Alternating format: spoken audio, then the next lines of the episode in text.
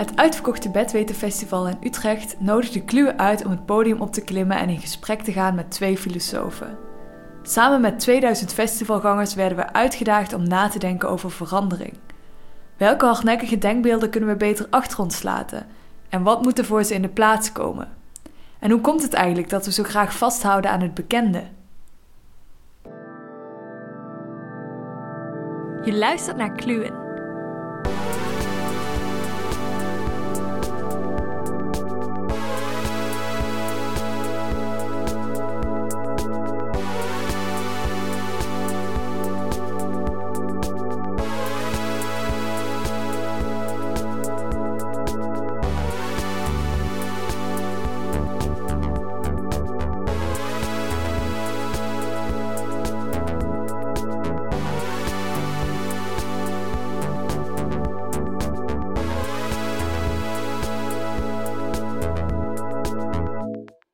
We gaan uh, snel beginnen, want we gaan het hebben over tijd.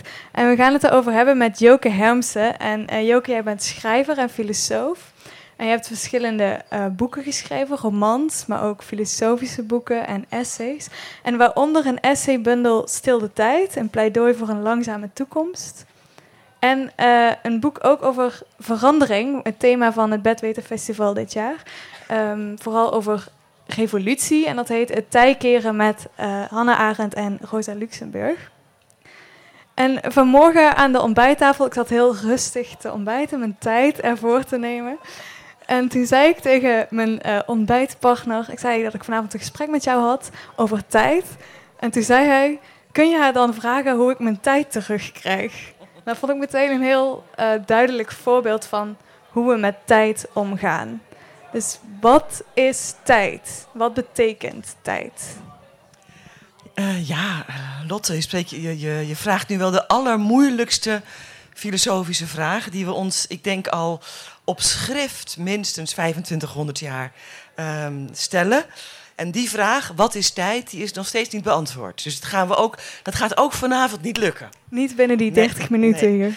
Uh, Zeno, een van de uh, oude Griekse denkers, die, die, stelde diezelfde vraag: wat is tijd?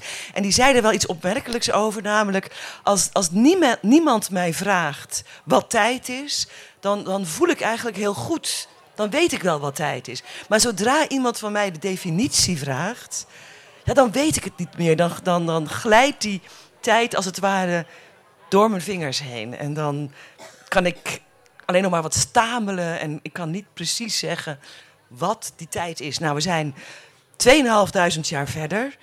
En ik heb nog wel wat lezingen gegeven, bijvoorbeeld met Robert Dijkgraaf, die ook over de tijd vanuit zijn theoretisch visies perspectief geschreven heeft. En ook daar, ook de theoretische natuurkunde, moet ons het antwoord schuldig blijven. Het positieve daarvan is dat de tijd dan weer eigenlijk weer open ligt om Gerrit Kouwenaar te citeren, een dichter, dat ook fijn is om op zo'n mooi festival als dit te doen. En die tijd is dan open om weer misschien wat andere beschouwingen op die tijd los te laten. En dat is eigenlijk wat ik probeer te doen. Omdat ik zo'n beetje het vermoeden heb dat wij vooral in het Westen nogal obsessieve klokkijkers zijn geworden. En die kloktijd, dat is nu eigenlijk de, de, de clue is maar één aspect van de tijd. Die alleen bij ons heel erg dominant is geworden. En ik probeer daar achter te grijpen en andere verhalen over die tijd te vertellen. Oké, dus die kloktijd is de tijd die we uh, gebruiken of die we zien of waarmee we tijd meten misschien. Maar wat is dan die, die andere versie van tijd?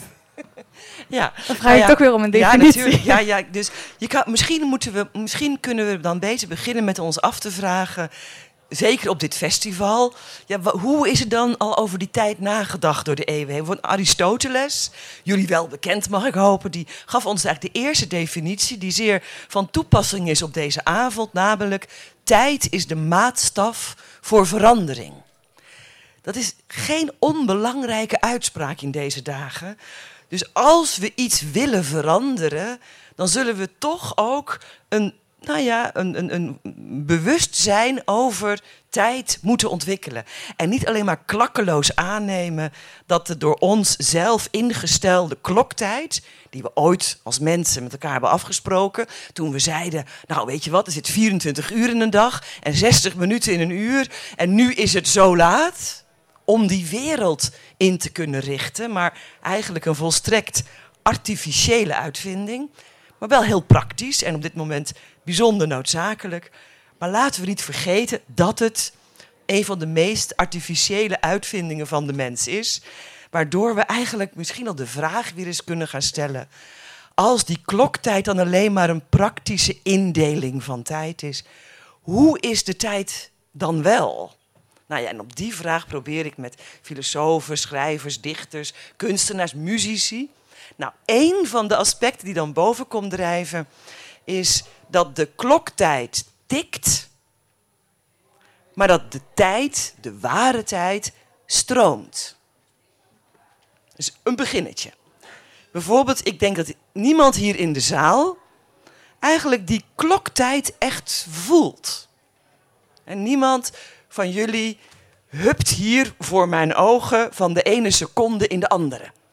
Jullie voelen niet het tikken van tijd. Daarmee ervaar je feitelijk al het kunstmatige aspect ervan. Wat jullie voelen is het ononderbroken voortstromen van tijd.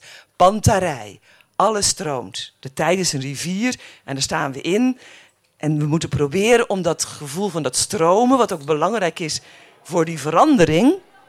Want met dat statische tikken van die klok, dat is toch lastig om daar nou ja, werkelijk een, een, een, een, een doorbraak uh, te forceren um, proberen om dat stromen wat weer meer te ervaren. En dan ga ik daarnaar op zoek met allerlei verschillende denkers, schrijvers, bijvoorbeeld Henri Bergson, Nobelprijswinnaar wiskunde, filosofie, zwager van Marcel Proust, niet onbelangrijk in dit verhaal.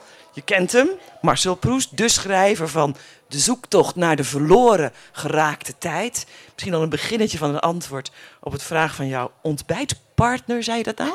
ja, ik heb net van uh, Marley geleerd dat ik niet mag definiëren. Nee, ik vind het een mooi begrip. Heb jij dan ook een lunchpartner? het is wel dezelfde. Oh, maar, kijk aan. Kijk aan. Dat is, dat, daar is hij vast blij om. Ja. ja. Oké. Ehm, op zoek naar de verloren tijd. Ja, welke tijd? Hoe, hoe dan? Uh, die, die, die uren die tikken voorbij. Dat is een zandloper die leegloopt. We kunnen er achteraan proberen te hollen, maar hij is tamelijk onverbiddelijk. Dus die tijd, ja, dat is eigenlijk geen tijd meer. Wat is dan wel de tijd die verloren is geraakt? Nou, met Bergson en met Proust, dat is niet zozeer de kwestie van de tijd hebben, wat die meetbare kloktijd is. En die voor jullie, voor de meesten hier in de zaal, pas een heel klein stukje op de lijn is opgeschoven. En jullie meesten hebben nog wel een driekwart tijd te gaan. Maar een andere soort tijd die niet met tijd hebben of geen tijd meer hebben te maken heeft, maar met een bekende filosofische uitspraak: zijn en tijd. Hoe ben je zelf tijd? Dat is eigenlijk de vraag. Ik vind het een heel mooi begrip en tijd stromen, maar ik, um, je zei net, we ervaren tijd niet zo als een tikkend iets. Ja. Maar ik heb toch vaak het gevoel dat we het uh, wel zo ervaren of dat we vooruit worden geduwd door die secondes. Of dat we achter de klok aanrennen. Of uh, wachtend op de bus. Zeker, of... ja. ja. Nou, we hebben laten we dan proberen die tijd, hè, het grote mysterie, nog een tipje van de sluier op te liggen. Eén, we hebben geconstateerd dat de kloktijd een uitvinding is om de wereld in te richten. Een sociale wereldse tijd die we gingen hanteren toen de wereld complexer werd. Het zou voor jullie heel moeilijk zijn geweest om deze uitzending hier, deze podcast, buiten de kloktijd om te organiseren. Je had natuurlijk kunnen zeggen tegen al deze mensen: Nou ja, kom maar als je tijd daar is. Maar het was toch wel misschien een hele lange uitzending geworden voordat iedereen er dan zou zijn. Dus het is handig, praktisch. Er zou geen vliegtuig meer buiten die klok uh, de lucht in kunnen. Maar met tijd wat een heterogene, dynamische, voortstromende ja, fenomeen is, heeft het eigenlijk niet veel te maken. Dus we moeten proberen om op zoek te gaan naar het verhaal over de tijd achter de klok, die in zo sterke mate onze levens gaan beheersen. En hoe komt dat, is jouw vraag. Waarom worden we toch zo door die kloktijd nou ja, opge, opgehitst, als het ware? Waarom worden we eigenlijk... Het is heel merkwaardig hè, met de tijd. We hebben de afgelopen honderd jaar ongelooflijk onze best gedaan... om het ene tijdbesparende machine naar het andere tijdbesparende apparaat te ontwikkelen. Duizenden tijdbesparende machines thuis, in jouw keuken, waar je lekker zat te ontbijten vanmorgen.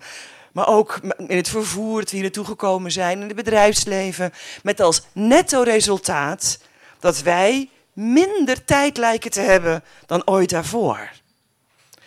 Daar is dus iets misgegaan.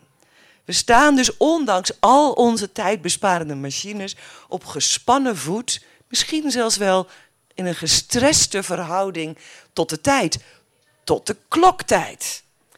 En dat komt, en dan kom je eigenlijk bij het laatste essay, het tijkeren met pontificaal Rosa Luxemburg en ook Hannah Arendt. Um, worden daar, het gedachtegoed daarvan in verwerkt. Dat heeft te maken met dat wij halverwege de 19e eeuw de kloktijd gingen hanteren. En dit is heel belangrijk en dat moet je goed onthouden. Als meetinstrument voor de dikte van ons loonzakje. Oftewel de hoogte van ons salaris. Toen werden we niet meer, we ruilden geen producten die we hadden gemaakt meer voor elkaar. We werden betaald in kloktijduren. En vanaf dat moment zou je kunnen zeggen, is er iets misgegaan met onze verhouding tot de tijd. Want natuurlijk vroeg dat erom dat je dan altijd op de werkplek in die uren als werknemer of industrieel moet gaan beknibbelen.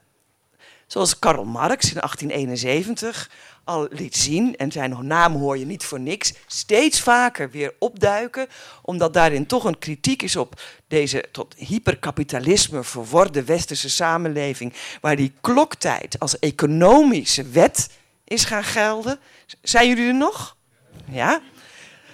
Dat de winst, de winst, veel winst, en niet alleen maar in het bedrijfsleven, en niet alleen maar achter de lopende band, maar zoals jullie ongetwijfeld weten, ook in de zorg, ook in het onderwijs, ook als je gaat studeren, daar wordt die chronos, je, hè, voortdurend word je als het ware opgejaagd om iets nog sneller te gaan doen.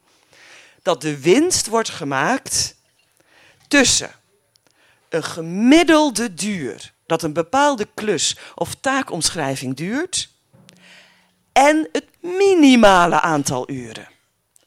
En natuurlijk kiezen vrijwel alle werkgevers en industriëlen voor het laatste. En zo krijg je dus een tekort aan tijd, wat eigenlijk vanuit dat economische model um, nou ja, over ons afgeroepen is. En daarom ook, omdat tijd geld geworden is, om het bekende gezegde uh, uh, nog eens te herhalen, lijkt het mij van groot belang gezien de stress, de burn-out, die gespannen voet, het hyperkapitalisme, het tijd is geldprincipe, die voortikkende klok waar we zo weinig nou ja, tegenin lijken te kunnen brengen om dat verhaal achter die klok weer uit te diepen en te proberen niet alleen meer met die flow van de tijd zijn overeen te komen, maar ook te proberen om af en toe die klok ja, te vergeten en te laten voor wat hij is. Ja, geen tijd te verspillen dus, zo denken we dan. en dan niet al, alleen... Dat is alweer, dat is natuurlijk alweer een... Econ ja, ja, ja, precies. Dat is misschien wat jij zegt, niet hoe we zouden moeten denken, maar hoe we misschien wel denken.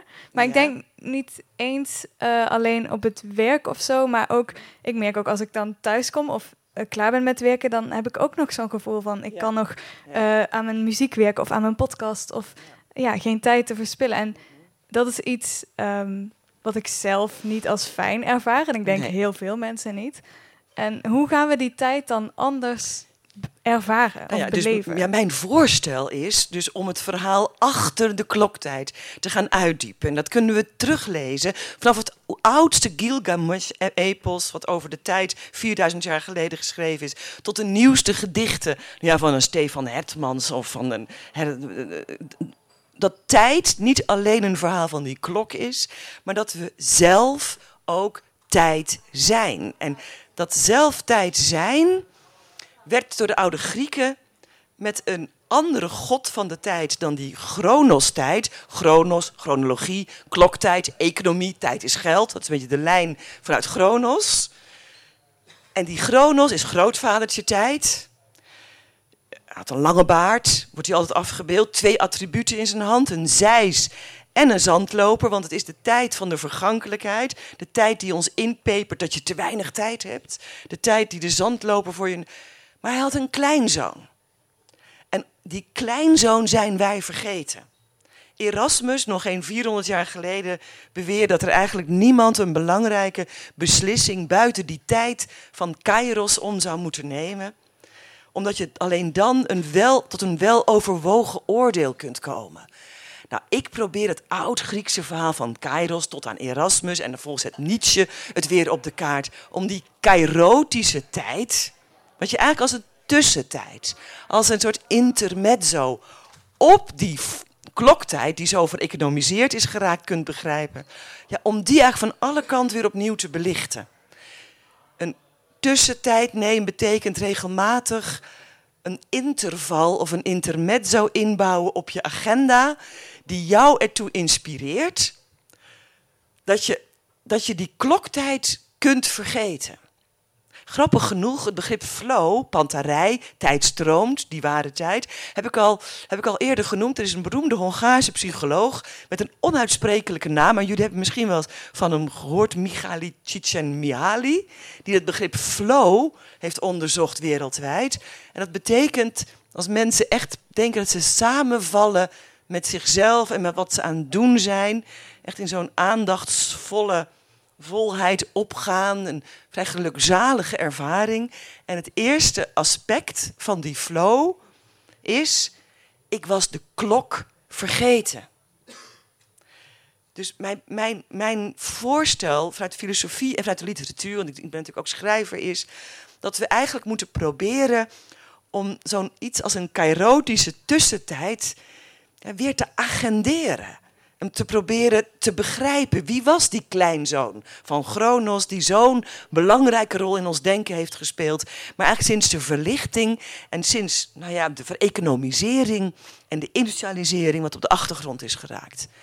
Nou, het was een jonge, gespierde, dubbel gevleugelde god van het juiste momentum. Maar ook van de juiste timing. En nu komt het. Lang verhaal, maar we zijn weer bij het begin terug in een soort lus. Het was de enige tijd waarin volgens Plato verandering kon plaatsvinden. Nou, dat is interessant. Want we willen zo graag verandering. En tijd zou de maatstaf voor verandering moeten zijn. Terwijl onze ervaring, althans die van mij toch is, dat het wel steeds weer hetzelfde lijkt te zijn, wat over ons wordt afgeroepen. Hoezeer we ook proberen om het tijd te keren, of een andere koers te varen. We lijken vast te zitten in bijzonder hardnekkige patronen. Ja, waarvan, ik moet daarbij denken aan waarvan de tijd er heel, is. Heel, heel simpels, dat ik dan uh, inderdaad voor mijn eigen rust of zo yoga mhm. probeer te doen of meedoen aan een yogaklasje, maar dan te laat ben voor yoga en dan heel snel me haast om naar de yoga te gaan. Ja, ik, zou, ik, ja. ik zou denken, blijf dan lekker thuis. Precies.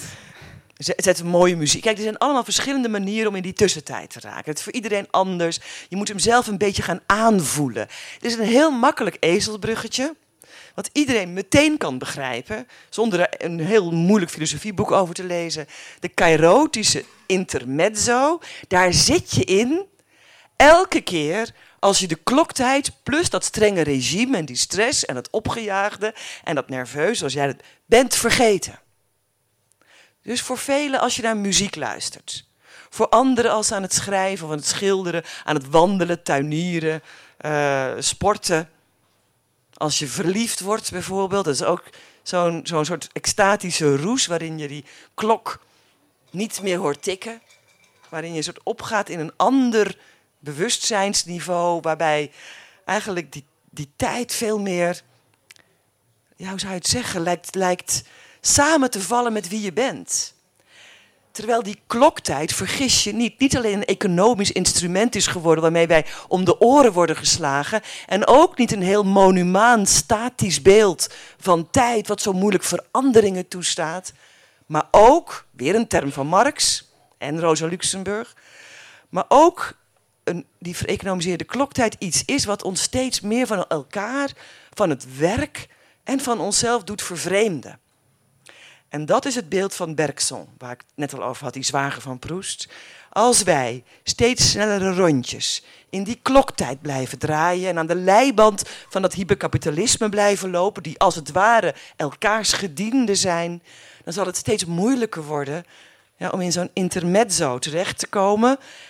En dus, nogal belangrijk, die vervreemding die we ten opzichte van onszelf en de anderen in toch steeds sterkere mate ervaren, om die te boven te komen. Met andere woorden, er is toch echt rust nodig en aandacht en al die intermezzi waarin jullie nou ja, dat Chronos-regime even vergeten, om daadwerkelijk tot een, nou ja, een verandering te komen. Tijd is nooit een soft verhaal, snap je? Tijd is nooit iets voor, uh, nou ja, uh, hoe zal ik het zeggen? uh, Tijd is het fundament waar we op staan. Ik kan het niet genoeg benadrukken. Buiten tijd om kan eigenlijk niemand iets ervaren. Ik kan jullie niet eens een knipoog geven buiten tijd. En dat fundament hebben we in steeds sterkere mate aan de economie, aan de big brother of Wall Street, zou ik maar zeggen, uitbesteed. En we moeten hem eigenlijk weer terug zien te veroveren. Door ons de vraag te stellen waarmee we begonnen wat is tijd en vooral, ja, van wie is de tijd eigenlijk? Want de grap is natuurlijk, ja, die is gewoon van u. U bent de tijd die van u is. Ook al heeft u zo vaak het gevoel, net als jij, als je naar de yoga wil stellen, dat het eigenlijk niet meer zo is. Ik vind het een prachtig pleidooi. Um, hele ironische vraag, maar ik weet niet hoeveel tijd we nog hebben. Kan iemand mij dat even vertellen?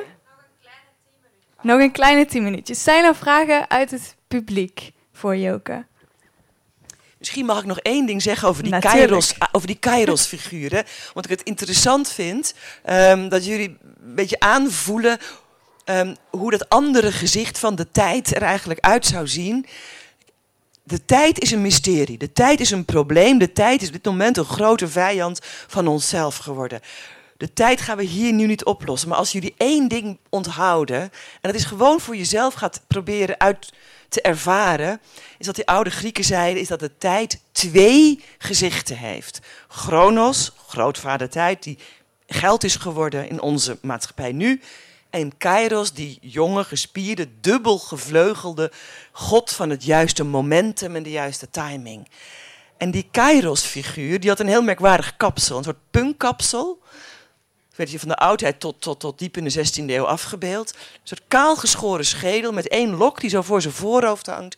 Omdat je wel voorbereid moet zijn, de tijd moet nemen, zo'n intermezzo in moet plannen om die kairos-tijd van de verandering en de inspiratie en de bevlogenheid, vandaar die dubbele stel vleugels aan zijn voeten, zoals Hermes, en op zijn schouders, dat je wel voorbereid moet zijn om Kairos bij zijn kuif te pakken. Het gaat niet zomaar de tijd terugveroveren. Of de tijd verkennen wie je bent. Of nou ja, dat soort vragen zijn, kosten tijd. En de een moet daar heel lang voor dagdromen, en de ander moet daar muziek voor maken. En de ander moet er heel lang voor uit het raam staren, en de ander moet naar kunst of een, kijken of een boek lezen. Het maakt me allemaal niet uit als je maar af en toe de vraag stelt: ja, is die tijd eigenlijk wel van mij op dit moment? Of word ik maar geleefd door een kloktijd die mij van buitenaf, want daar zit natuurlijk die crux van die vervreemdingen. De kloktijd is een universele tijd, hebben we zo afgesproken. Die wordt u van buitenaf gedicteerd. Begrijpen jullie het verschil? Dat is dat tijd hebben. Dat is dus een aan jouw ervaring externe tijd. Die heeft niets met jouw ervaring te maken. Terwijl die, ik kom zo bij je, die kairotische tijd eigenlijk een tijd is, nou ja, de innerlijke ervaring van tijd wordt die genoemd door Franse filosofen. Dus dat is de ervaring die als het ware vanuit jezelf opwelt en, en daarom die vervreemding die we kunnen voelen ten opzichte van onszelf ook een halt kan doen toeroepen. En bijna thuis leert komen in jezelf. zoiets. Daar was een vraag, zag ik. De vraag is, uh, hoe verhoudt de tijd waar jij het over hebt, Joke, zich met de dood? Het is een hele mooie vraag. En ook een, ook een vraag waar ik eigenlijk net zoveel tijd voor nodig heb om, om jullie al een beetje iets over dat grote in mysterie van de tijd te vertellen. Ik heb er wel op jouw hele vraag een heel essay geschreven. Dat is het essay hiervoor. En het heet Melancholie van de onrust. En je hoort al in het woord melancholie dat is, waarom zijn wij melancholische wezens, wij mensen, omdat we in tijd verzonken wezens zijn en over onszelf kunnen nadenken, gelukkig. Maar een van de nou ja, moeilijke kwesties is dat we ook over onze eigen sterfelijkheid kunnen nadenken. Dat we bewust zijn van onze eigen vergankelijkheid. En chronos, de kloktijd, die portie tijd die je krijgt, die heeft niet voor niks die zeis in zijn hand en die zandloper, want die herinnert ons eigenlijk voortdurend aan die eindigheid. En dus, als we geen, steeds minder manieren hebben, steeds minder mogelijkheden verkennen om ook die kairotische tussentijd te ervaren, dan betekent dat dus dat we eigenlijk vrijwel continu met onze snuffert richting die zij staan. En dat is voor onze melancholie niet zo prettig, want onze melancholie heeft hoop, liefde, troost, creativiteit, nabijheid nodig om hem draaglijk te houden. En die kairotische tussentijd, wat ik net al typeerde als de tijd van de creativiteit en de aandacht en de liefdevolle zorg, maar ook van de creativiteit, van dat je iets maakt, die hebben we eigenlijk nodig om die melancholie van ons binnen de perken te houden.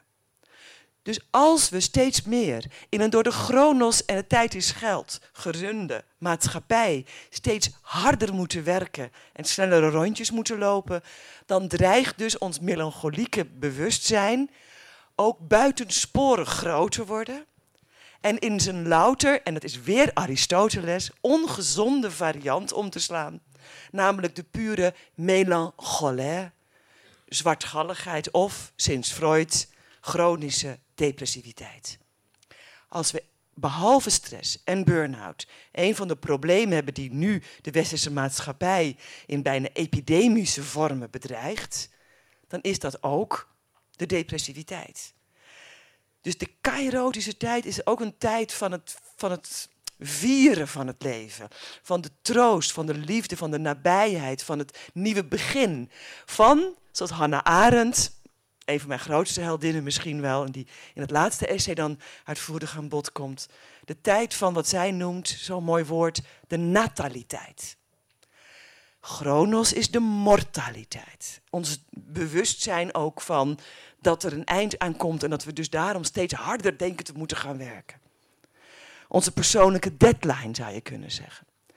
Maar de Kairos-tijd, is de tijd van de nataliteit. Van het feit dat wij mensen niet alleen maar sterfelijke wezens zijn, dat zijn we ook. En dat delen we met alle andere levende wezens. Maar dat onze nataliteit, onze geboortelijk zijn, schuilt in het feit dat we altijd, hoe het tij ook tegenzit, opnieuw kunnen beginnen. Dat kunnen wij wel en dat kunnen de meeste andere levende soorten niet. En daarin schuilt ook zelfs een zekere plicht, zou ik willen zeggen. Omdat wij opnieuw kunnen beginnen, en dat noemt Hannah Arendt geboortelijkheid, daar hebben we die rust en die kairotische intermezzi voor nodig. Ja, zijn we het eigenlijk ook aan onszelf en de wereld en de generaties na ons verplicht hè, om die geboortelijkheid ook in te zetten. En dat roer wel om te gooien waar het nodig is en dat nieuwe begin ja, wel te proberen te maken. Ik hoop dat ik jouw vraag hiermee eens beantwoord heb. Heel kort, zitten we alleen maar in die kloktijd, dan hebben we, dat wordt dat doodsbesef te groot en te dreigend voor ons. We hebben een ander bewustzijn van tijd eigenlijk nodig hè, om dat te kunnen managen. En het leuke is nu ja, sorry, het, zijn moeilijke vragen. maar ik bedenk me nu ineens, het leuke is, even Proest. Jullie hebben natuurlijk geen tijd om de hele Proest te lezen, maar lees dan de laatste twee delen, Le Temps Retrouvé. dan vraagt Proest zich af: ja, hoe komt het toch als ik zo een beetje zit te mijmeren, of naar muziek luister, of gewoon uit het raam staar en er schiet me ineens een herinnering te binnen, dat ik me weer opnieuw tot mezelf kan verhouden, alsof ik me weer opnieuw mijn innerlijkheid realiseer.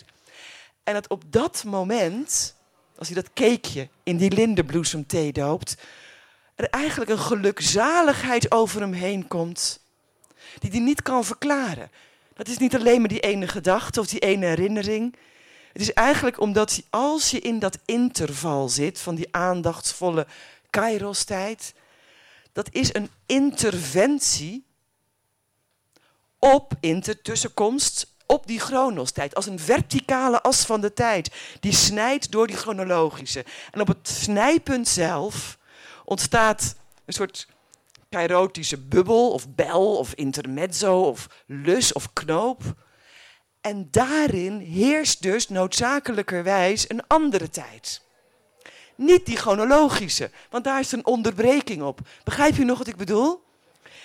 En die noodzakelijk andere tijd, lieve mensen, is geen lineaire chronologische westerse tijd, maar een cyclische oosterse tijd. En dus schrijft Proest, ben ik op het moment van die herinnering voor even bevrijd van die doodsangst. Dat is voor een deel het, de vreugde van de inspiratie, de vreugde van de herinnering, de vreugde van de liefde, van, van, van iets maken, iets nieuws verzinnen en het opnieuw beginnen, het, het nataliteitsprincipe wat wij mensen waarschijnlijk als enige soort echt kennen. Um, nou ja, ervaren. Goed. Joke, dankjewel. De kloktijd is helaas op. Ik kan niet wachten om Kairos bij de kuif te grijpen. Laten we Joke allemaal even bedanken met een hartelijk applaus. Dankjewel. Dit was Kluwen, een filosofische podcast over de knopen van het mens zijn. Bedankt aan onze gasten en aan Anne Lucassen voor het beeld.